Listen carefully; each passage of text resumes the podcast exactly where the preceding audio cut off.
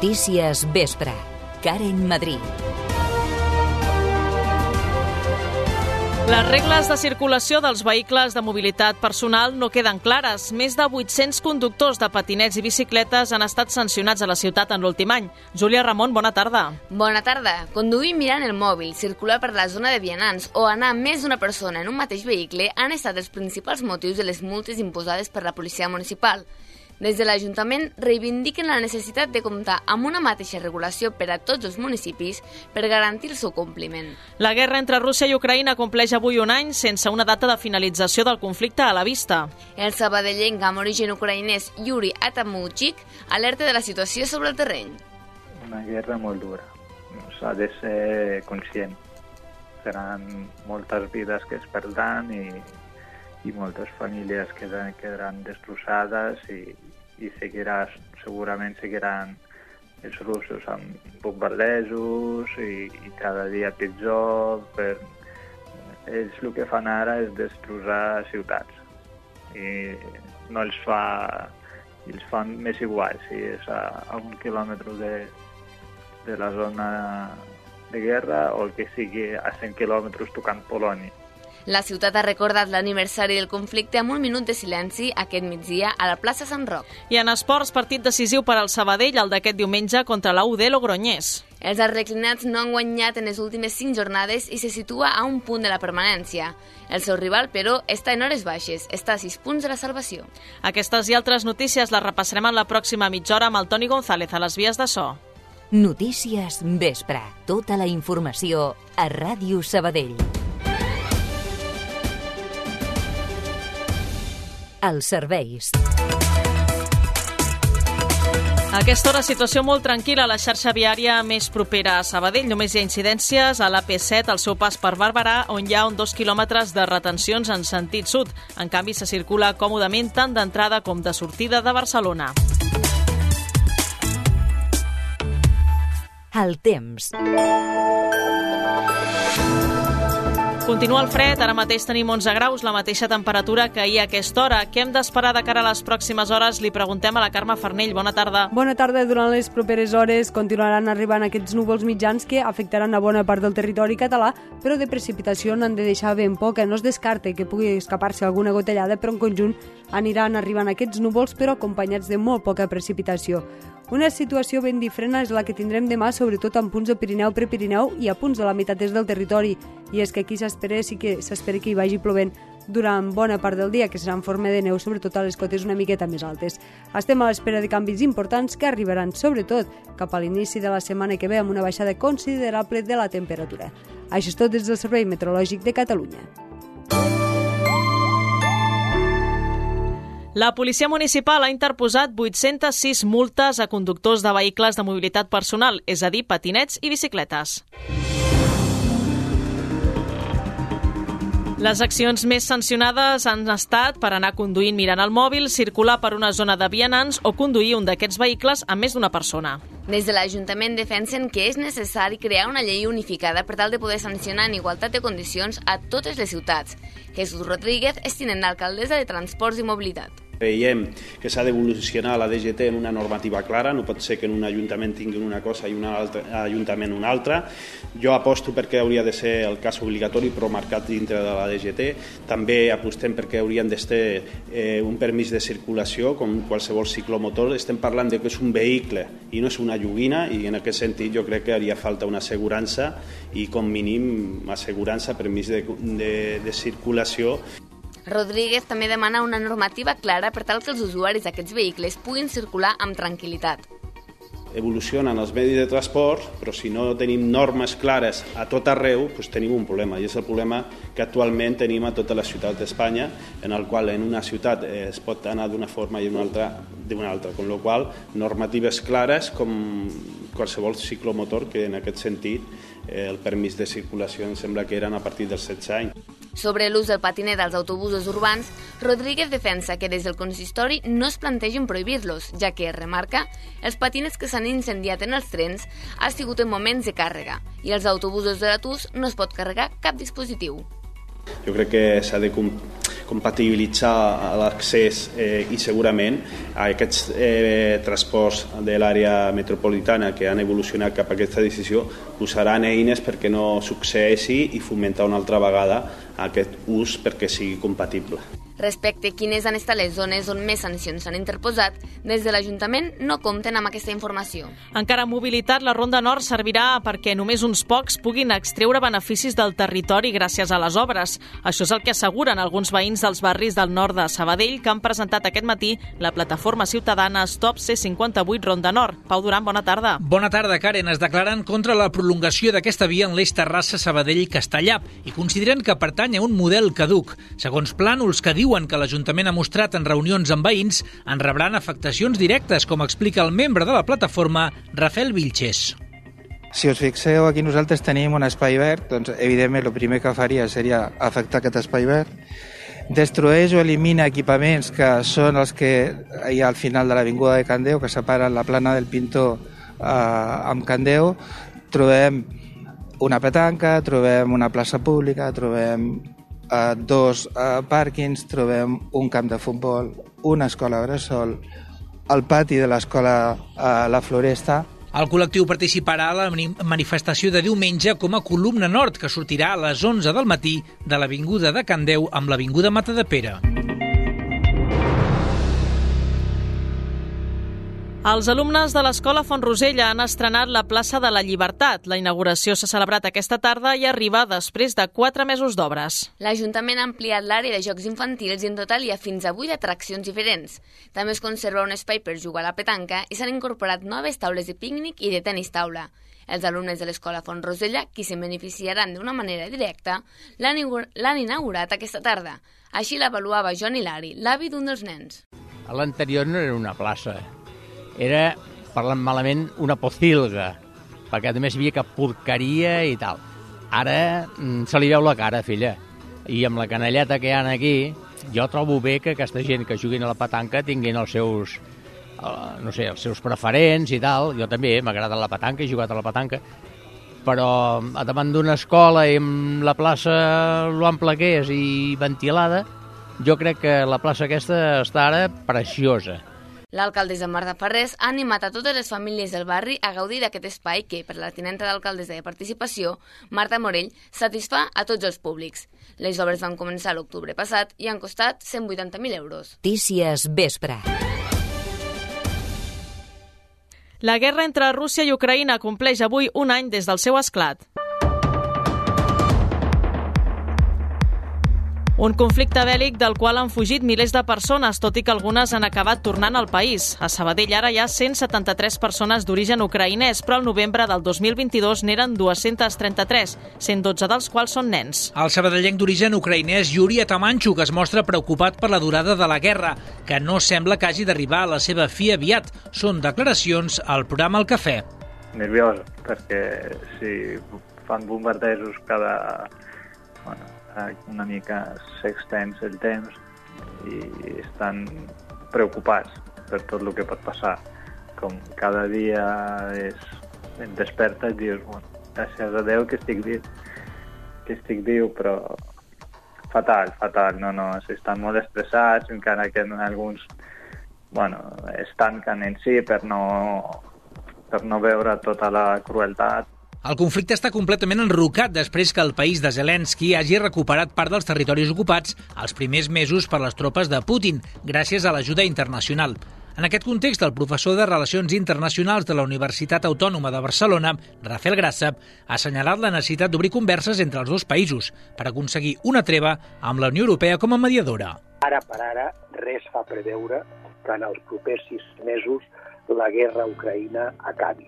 Tant de bo que abans de que ens convideu a uns o altres a parlar del segon aniversari de la guerra d'Ucraïna, hi hagi converses, no per resoldre el conflicte definitivament, això no passarà, sinó per assistir a una treva o algun mecanisme que permeti aturar els combats. Per condemnar l'esclat de la guerra a Ucraïna i recordar les víctimes, aquest migdia s'ha fet un minut de silenci a la plaça Sant Roc. L'Ajuntament de Sabadell s'ha sumat així a la iniciativa de la Federació Catalana de Municipis. Hi han assistit membres del PSC, Ciutadans, Esquerra Republicana i la regidora no adscrita Marta Morell. La mateixa Morell, tinenta d'alcaldessa i regidora de Drets Civils, ha lamentat l'absència de Junts i la crida. Des de l'Ajuntament de Sabadell s'ha convocat a tots els grups municipals, per tant, a tots els grups municipals estaven convidats a fer aquest minut de silenci. Això ja, perquè no han vingut alguns grups municipals, jo crec que els hauríeu de preguntar a ells per quins motius doncs, no han assistit al minut de silenci institucional, que torno a repetir que no és un minut de silenci impulsat des de l'Ajuntament de Sabadell, que és un minut de silenci com a adhesió al que se'ns va no? a la proposta de la Federació de Municipis i també de l'Associació de, de Municipis. Els regidors han sostingut una pancarta de no a la guerra davant d'una vintena de ciutadans que s'han volgut sumar a la iniciativa.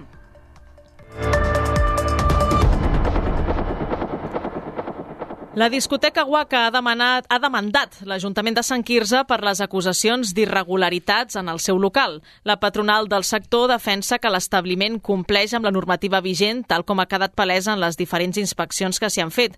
L'última, que va tenir lloc fa poques setmanes, va obligar el local a aturar completament l'activitat. Els Mossos van identificar més de 900 persones. L'advocat i secretari general del Gremi de Discoteques de Barcelona i província, Ramon Mas, ha lamentat que la discoteca Waka sempre estigui sota la lupa, tot i complir amb la normativa i ha defensat que és una empresa que genera ocupació com qualsevol altra. Ho ha dit aquest matí en una entrevista al Cafè de la Ràdio. Les nostres empreses són empreses que donen feina, que paguen impostos, que tenen treballadors, que cotitzem a la Seguretat Social, que paguem molts impostos, que hem estat tancats 22 mesos, que hem rebut ajudes de la Generalitat, sí, perquè hem estat tancats per ordre de la Generalitat durant 22 mesos seguits. Hem sigut el sector que ha estat més tancat per la pandèmia. Això també és una altra notícia que va sortir, que el UAC havia rebut ajudes. Evidentment, ajudes que es mereixia. Mas també ha volgut sortir al pas de les diferents polèmiques que envolten el local des de fa temps, com ara les agressions racistes o sexuals que s'hi han denunciat. Quantes sentències hi ha? Perquè parlem de casos, però sentències, quantes sentències hi ha contra delictes sexuals que hi han passat al UACA? És que tenim que parlar de coses que els jutges hagin sentenciat. Es denuncia i es sentència al final, no? Per això, amb l'objectiu de mantenir el bon nom de la discoteca, l'empresa que la gestiona ha presentat aquesta denúncia contra l'Ajuntament de Sant Quirze. En paral·lel, el Gremi de Discoteques ha sol·licitat fins a quatre vegades trobar-se amb l'alcaldessa del municipi, Elisabet Oliveres. De moment, no els han contestat. Atac al Consell Comarcal del Vallès Occidental. L'organisme denuncia que ha patit un abordatge informàtic que afecta tots els sistemes de la institució. Es desconeix quan podrà tornar a funcionar amb normalitat. En el moment que s'ha conegut l'atac aquest matí, immediatament el Consell Comarcal ho ha notificat a l'Agència de Ciberseguretat de Catalunya, que seran els encarregats d'esbrinar si hi ha algun missatge dins del sistema per part dels atacants. Núria Carrés, gerent del Consell, diu que els assaltants han aconseguit saltar les barreres de protecció nosaltres el sistema evidentment que estava protegit. Aquí que, uh, bueno, el que passa que és veritat que aquests atacs uh, es van saltant les barreres que tu vas posant i cada vegada tenen més habilitat per poder-ho fer. No? El que sí que hem fet és posar en marxa de seguida un, un, un, una alternativa telefònica per poder donar resposta a la gent que pugui uh, poder-nos contactar des de fora. És a dir, que els, aquests mínims els hem pogut garantir i estem intentant que això ja sigui resolt definitivament. Els serveis tècnics del Consell Comarcal estan avaluant les conseqüències de l'atac i com els ha afectat. S'ha procedit a activar la denúncia davant els Mossos d'Esquadra. També s'ha comunicat a l'Autoritat Catalana de Protecció de Dades. No se sap fins quan pot durar la incidència. Torna a escoltar aquest informatiu a radiosabadell.fm. L'agrupació de Sant Sebastià de los Ballesteros ha preparat una bateria d'activitats per commemorar la seva Diada Nacional aquest cap de setmana. El Dia d'Andalusia celebra el 28 de febrer, però els ballesteros ho faran aquest dissabte. Joaquín Lesmes, el president de l'entitat, vol donar a conèixer l'encant d'aquesta terra a tothom perquè creu que el desconeixement de les noves generacions i els prejudicis els han jugat en contra. Així ho ha apuntat en una entrevista al matí. Muchos hablaban mal sí. de Andalucía, los mismos andaluces, uh -huh. porque no la conocían.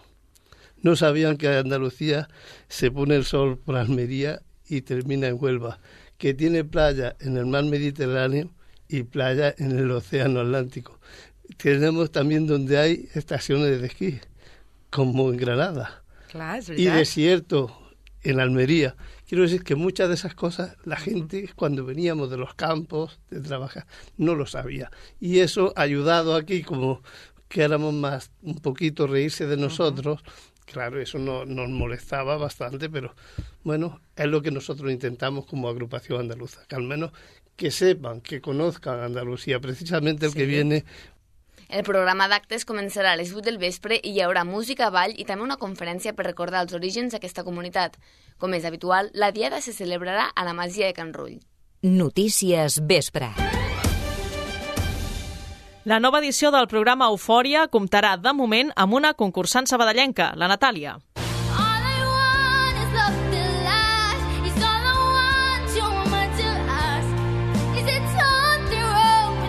En l'última fase del càsting, la Natàlia ha cantat la cançó All I Want que sentim de fons d'Olivia Rodrigo, un tema que li ha permès entrar al concurs. En el mateix programa, la Natàlia ha explicat que fa anys que canta i que balla i que, de fet, no entén un sense l'altre. El jurat l'ha fet esperar per fer-li saber la seva decisió, però finalment han decidit que és una de les noves concursants d'Eufòria.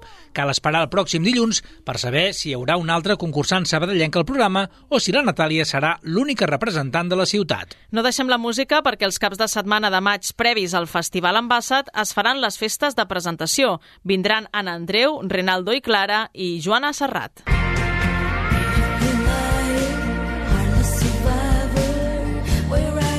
Seran en llocs diferents de la seu de la convocatòria principal. El 6 de maig a l'Auditori de Castellà del Vallès es presentarà per primera vegada a Catalunya el nou disc de Joana Serrat al costat de la superbanda Raiders of Canyon. El director del festival, Arnau Solsona, diu que les festes seran el tret de sortida de la cita. I això és una mica aquest tret de sortida, aquest xup-xup que volem fer per, per la gent que li agrada la música, pels abonats tenir un preu i, un, i una, unes condicions molt especials i en general doncs molt bons concerts amb molt bon preu. Oh, l'amor, oh, oh, fa calor, oh, oh. Oh, oh, l'amor, oh, oh, fa calor, oh, oh. El 12 de maig a Sant Quirze del Vallès, Renaldo i Clara portaran el seu nou disc. L'endemà, dia 13, en Andreu serà a l'Estruc. Sobre una esquena tan petita com si fos ferro. Portarà ritmes de pop-rock amb tints de folk nord-americà amb el seu nou disc, La Mida.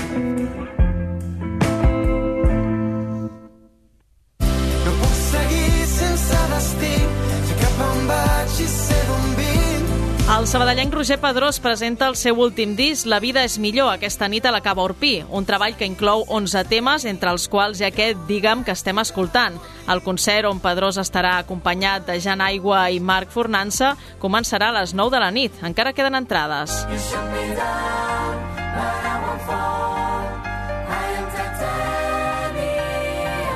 Dissabte, el cor sabadellenc Va Com Va, sorgit del programa Oh Happy Day, s'acomiadarà definitivament dels escenaris amb una doble actua actuació al teatre principal.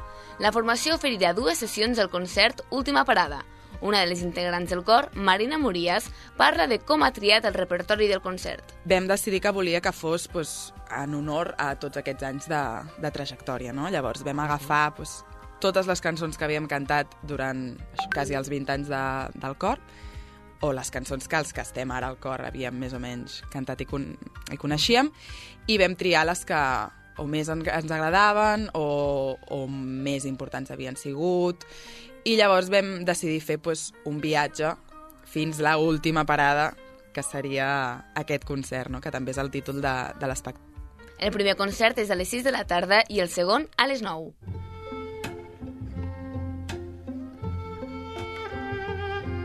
I també dissabte, però la faràndula fa parada de Ara Makilian World Tour. El violinista libanès presenta el seu últim disc en un concert únic a la ciutat.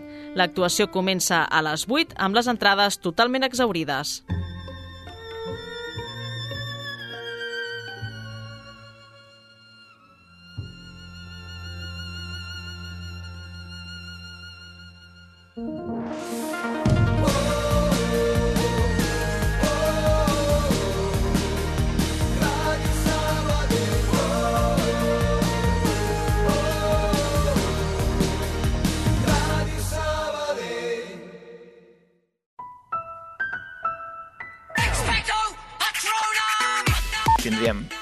Titani, collons de metacrilat i natxes de plexiglas. Estos libros deberían estar quemados. Es como una tónica, o la odias o te encanta. Y llegué a la conclusión muy, muy, muy acertada de que estaban todos como una cabra. Derecho a ser más friki que otro friki otro friki. Quimèric, amb Karen Madrid. Un programa quinzenal divendres a les 8 del vespre a Ràdio Sabadell.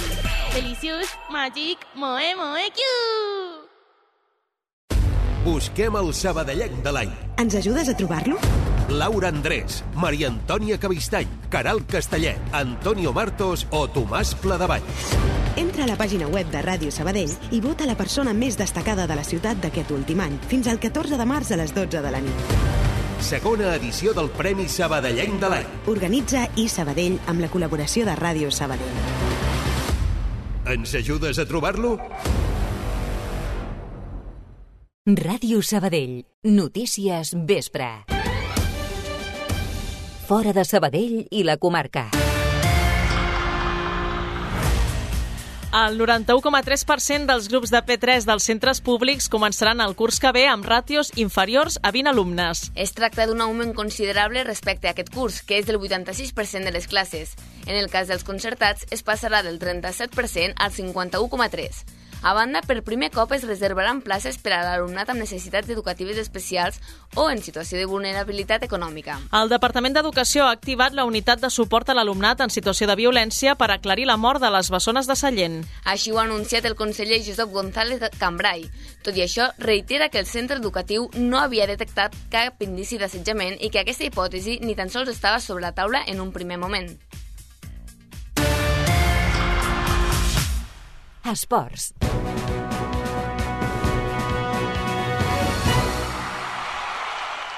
El Sabadell se la juga aquest diumenge contra una UD Logroñés en una situació crítica. Sergi Parc, bona tarda. Bona tarda, Karen. Aroma a final entre dos equips que recentment han gaudit del futbol professional i que ara lluiten per la supervivència a Primera Federació. Mentre que el conjunt arlequinat no ha guanyat en les últimes 5 jornades i se situa a un punt de la permanència, els de Nacho González estan a 6 punts de la salvació, encadenen 15 partits sense conèixer la victòria i no han vist porteria en els darrers 6 enfrontaments.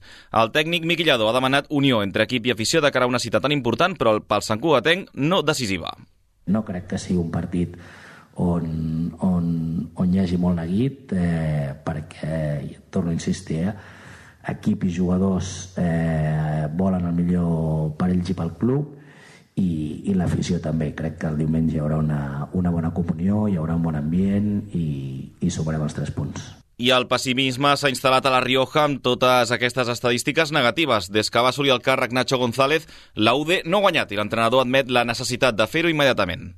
Ellos estarán pensando lo mismo que nosotros, que si nos ganan, pues abrirán una, una, una brecha y, y desde luego pues que bueno, es un partido de necesidad, creo, por parte de los dos equipos, más por parte nuestra. Pero bueno, vamos a ver si somos capaces de, de imponer lo que queremos y, y eso tras, trasladarlo al resultado, que al final es lo importante. ¿no? Diumenge a les 7 sonarà el xiulet inicial a la nova Creu Alta amb entrades a preus populars pels socis a partir de 5 euros. Seran baixes per sanció, el mateix tècnic Miquillador i Alberto Fernández i atomant per lesió. Sergi Garcia entrarà a la convocatòria. You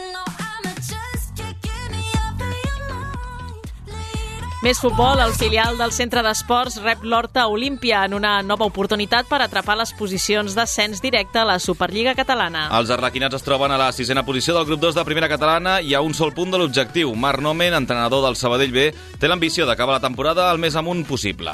El nostre objectiu és ambiciós, hem d'intentar mirar de fer un ascens, no ens amaguem d'això perquè la plantilla és prou bona com per aspirar a això i a partir d'aquí a enfocar-nos, a treballar bé, a mirar de, de preparar bé el següent partit i, i a partir d'aquí anar pensant de partit en partit per intentar fer els, els, el més 3 cada setmana. L'Horta, que encara confia en en la lluita per les posicions d'ascens, es troba en novella taula i a 6 punts del Sabadell B. Demà a les 4 arrenca el partit. I un graó per sota, segona catalana, el Tibidabo juga el seu últim partit de la primera fase. Els de Torre Romeu necessiten guanyar el líder Sant Juan de Moncada i esperar que els rivals directes punxin en les pròximes setmanes per tenir opcions, acabar tercers i jugar a la fase d'ascens. Toni Mesa, jugador de l'equip. Allí ya les costó ganarnos, fue al final del partido ya. Y sí, bueno, con la ayuda de la afición y todo el equipo saldremos enchufados y se lo pondremos difícil, claro. Un dels rivals directes dels de Toni Sallés és el Can Rull, que tampoc pot fallar en el seu duel a casa contra el Badia. José García Numos, que és el tècnic de l'equip. y sí que se tiene que ver el reflejo de decir, estamos en Canrul, viene Badía, un buen equipo y hay que intentar de, de sumar los tres puntos y se tiene que ver un, la pequeña diferencia esa de querer, ¿no? Que yo digo, de intentar creer y, y querer Demà a les 7 arrenca l'enfrontament a Can Rull i diumenge a les 12 al Tibidabo Sant Juan. El Sabadell Nord descansa.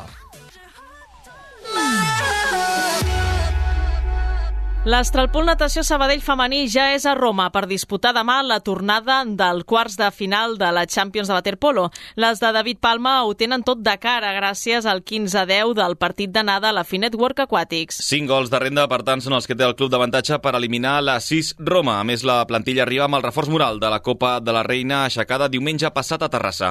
El tècnic David Palma assegura que no sortiran a especular amb aquesta diferència de gols.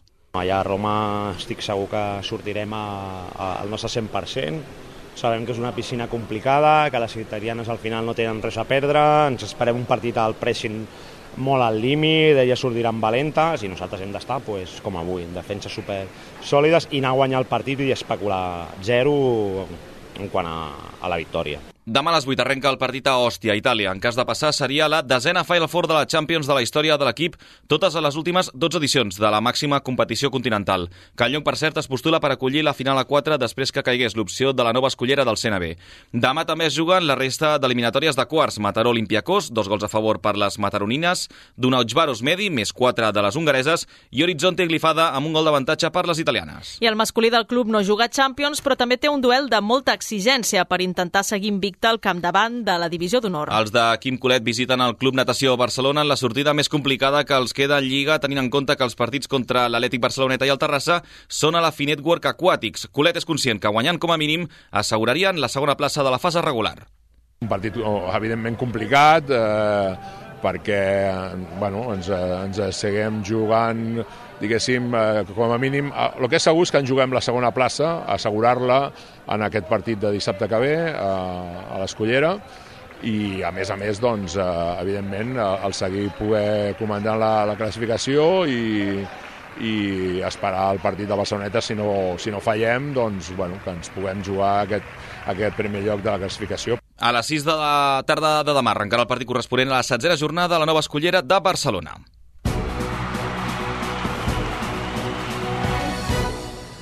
En handbol, l'Oar Gràcia busca seguir posant setge al lideratge de plata femenina. Les vertiblanques visiten demà a les 6 al pavelló 11 de setembre del desè classificat al Lleida, intentant pressionar encara més el líder Mislata. I la portera Mercè Buixó parla del bon nivell de les del Segrià, tot i no estar entre les primeres a la classificació. Todos los equipos que hay en la liga, yo creo que todos tienen eh, el liderazgo, el liderazgo o el juego, juego duro. Y la semana que viene nos, no, bueno, nos enfrentamos entre hoy contra Lleida y no es un equipo fácil. Tiene jugadoras muy, muy tochas, que se dice, y no, no, para nada, para nada fácil. L'OA, recordem, és a un punt del Mislata i té 5 d'avantatge respecte al tercer. A la primera nacional masculina, des d'altura un cop més pel Gràcia amb la visita al Sarrià, un conjunt que cada cop s'està fent més fort a la seva pista. Guillem Correro és jugador de l'equip.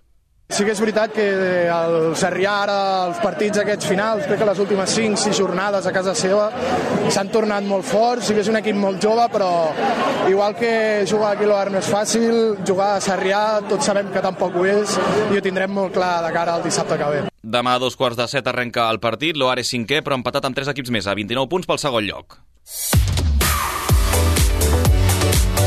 Futbol sala, l'Escola Pia se la torna a jugar en el duel de segona B a la pista del Canet. Un rival directe per la salvació i recordem que els escolapis se situen en descens a 4 punts de la permanència. Lenny Ramos, jugador de l'equip, parla obertament de final. Yo creo que es rival directo y será otra final. Este fin de semana era una final y ahora otra final contra Canet. Si no sumamos en Canet, a ver, se puede sacar igualmente, pero será más complicado. Un Lenny Ramos que hi va marcar un doplet en el triomf 0-3 a Castellterçol a la Copa Catalunya. El duel de demà a Canet arrenca a les 6. Més tard, a 3 quarts de 8, el club rep al pavelló nord el Cué Ripollet. En ciclisme, bon paper dels dos representants sabadellencs a Gran Camino. Després de la suspensió de l'etapa d'ahir, el gran favorit Jonas Vingegaard no ha perdonat en el segon dia de la cursa gallega amb el final en pujada al al Montetrega i s'ha col·locat com a primer líder. David de la Cruz, com a cap de files de l'Astana, ha entrat 13 a 46 segons, mentre que Raül Rota ha estat 28è a 1 minut i 11 segons sent el millor classificat del Ràdio Popular. Demà, tercera i penúltima jornada amb un recorregut de 163 quilòmetres a la província d'Ourense amb un altre final muntanyós al Monte Castelo. Iker Pajares juga avui als quarts de final de l'Squash on Fire Open de Washington. El jugador sabadellenc s'enfrontarà a Zikuan Lau a partir de 3 quarts de 9 del vespre, hora d'aquí. Gràcies, Sergi. Bona tarda. A tu, Karen.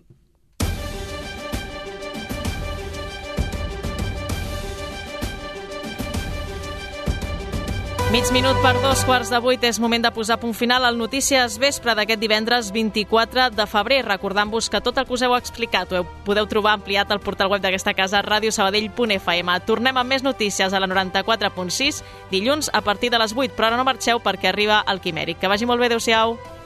Allà on siguis, escolta'ns online. En directe.radiosabadell.fm